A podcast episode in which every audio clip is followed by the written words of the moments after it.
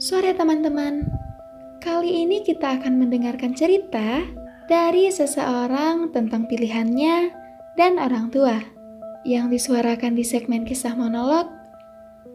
Selamat mendengarkan.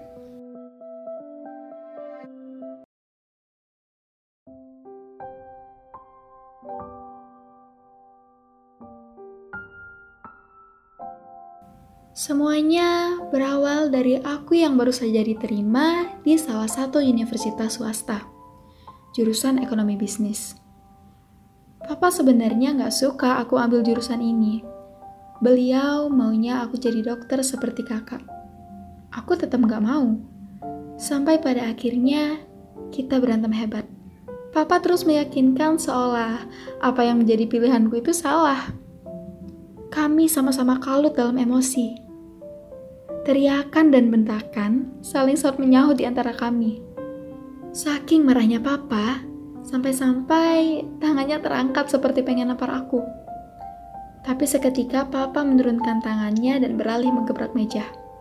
Beberapa detik cukup membuatku terdiam dan menyadari suatu hal bahwa keadaan tiba-tiba menjadi sepi. Aku berlari ke dalam kamar dan membanting pintu cukup keras. Di sana tidak ada yang bisa aku lakukan selain menangis dan memandangi foto mama. Mama meninggal waktu aku umur 2 tahun. Jadi ya, aku bisa lihat wajah mama cuma dari foto. Meski keluarga kami gak lengkap, tapi aku dan kakak dibesarkan dengan penuh kasih sayang. Tanpa ada beban, tanpa ada kesedihan. Tapi ada saat di mana aku sering meragukan papa sering terlintas pertanyaan seperti sebenarnya papa saya nggak sih sama aku? aku anak yang nggak tahu diuntung kan? Orang-orang di luar sana pengen banget kuliah kedokteran, sedangkan aku malah nyanyain kesempatan itu. Ya mau gimana lagi? Minat dan kemampuanku nggak setara sama keinginan papa. Aku ngerti papa mau yang terbaik buat aku, Papa mau anak-anaknya sukses. Tapi, sukses nggak cuma bisa diraih dengan satu jalan, kan? Malamnya, kakak datang ke kamarku bawain makanan. Sejak berantem sama papa tadi siang, aku nggak pernah keluar kamar. Kakak orangnya beda banget sama papa. Dia selalu ngertiin aku dari kecil sampai saat ini. Semenjak udah sama-sama besar, kita jarang banget yang namanya ketemu. Kakak sibuk kerja dan selalu pergi pagi. Pulangnya pun larut. Seperti biasa, kakak nenangin aku dengan caranya sendiri. Jujur, aku sempat pengen kabur dan milih untuk tinggal sendiri. Tapi tentunya kakak ngelarang aku. Dia janji bakal terus dukung aku dan dia nggak main-main sama janjinya. Dukungannya memang selalu ada bahkan sampai sekarang. Tanpa aku sangka, ternyata kuliahku berjalan dengan baik. IP ku nggak pernah mengecewakan, dan aku merasa nyaman kuliah di sana. Tapi sejak kejadian saat itu, aku sama papa nggak pernah ngomong satu sama lain. Bahkan kalau ketemu pun, kita saling memalingkan wajah masing-masing. Ya mungkin sekitar satu tahun lebih lah kita kayak gitu. Kalau ditanya sedih atau enggak, ya pasti sedih lah. Beberapa kali aku pernah mempertanyakan keinginanku. Apakah aku akan sanggup? Tanpa papa, apakah aku bisa melakukannya? Tapi aku nggak mau berhenti kuliah. Meski takut dan sedikit ragu, aku tetap jalan sesuai dengan peta yang aku ciptakan sendiri. Ada suatu hari di mana saat itu aku pergi ke restoran mama. Tapi karena mama udah gak ada dan keadaan semakin sepi, jadi papa milih tutup total restoran itu. Nah, aku kepikiran tuh mau buat suasana tempat itu jadi lebih hidup. Aku berencana membuat kafe sekaligus rumah baca di sana. Perlahan-lahan semuanya terjadi aku memberanikan diri mengajak beberapa pekerja untuk renovasi restoran mama. Sampai akhirnya renovasi selesai dan tinggal beli beberapa barang untuk kepentingan interior. Dari awal renovasi sampai sekarang, semua biayanya keluar dari dompetku sendiri. Ya, aku cukup bangga dengan apa yang aku lakukan. Papa udah tahu soal ini, dan seperti biasa, kayaknya Papa nggak peduli. Saat itu aku semakin yakin bahwa Papa udah nganggap aku orang lain. Tapi, setelah aku renungkan lagi, aku ambil waktu sendiri. Sebenarnya Papa nggak setega itu kok. Papa support apa yang aku lakuin saat itu. Buktinya, Papa biayain ruang baca di kafe baru aku dan nyumbangin beberapa buku di sana.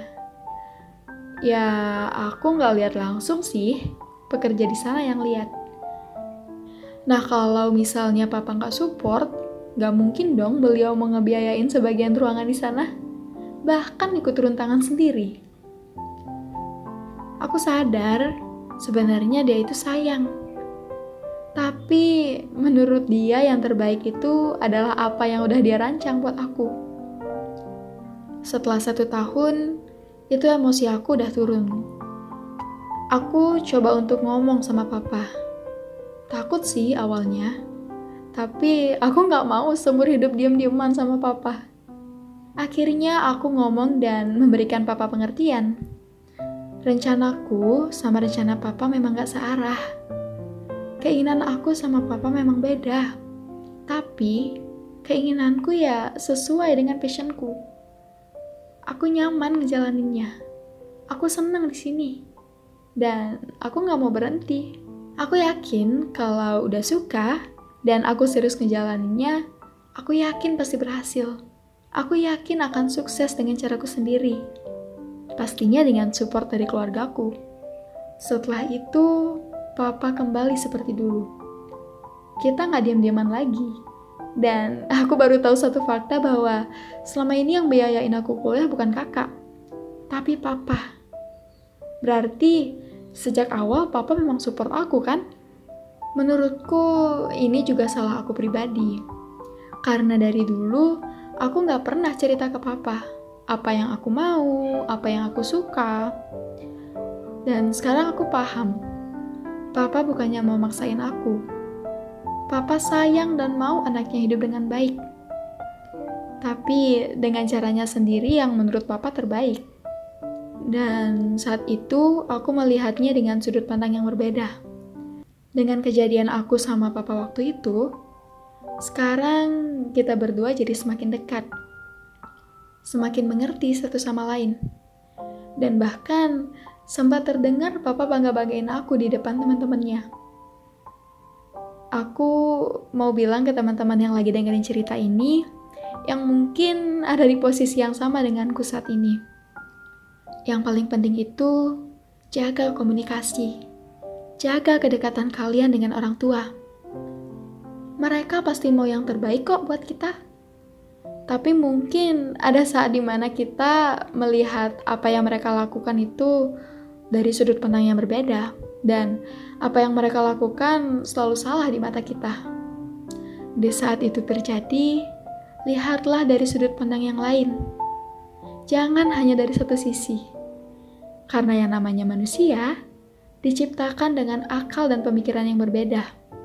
Kita juga harus tunjukkan seberapa keras usaha kita. Jangan hanya sekedar keinginan tanpa ada usaha. Karena itu akan sia-sia di mata orang tua. Aku ada di titik ini, semua juga karena papa dan kakak. Juga mama yang doain aku dari atas sana. Meski waktu itu aku sempat marah sama papa, tapi sekarang aku melihat sisi baik papa. Aku sayang papa. Aku gak pernah ngomong itu ke papa. Rasanya susah aja ngomongnya kalau lagi berhadapan dengan papa. Kalau papa dengar podcast ini, aku mau bilang, maaf aku sempat marah sama papa. Aku sayang papa.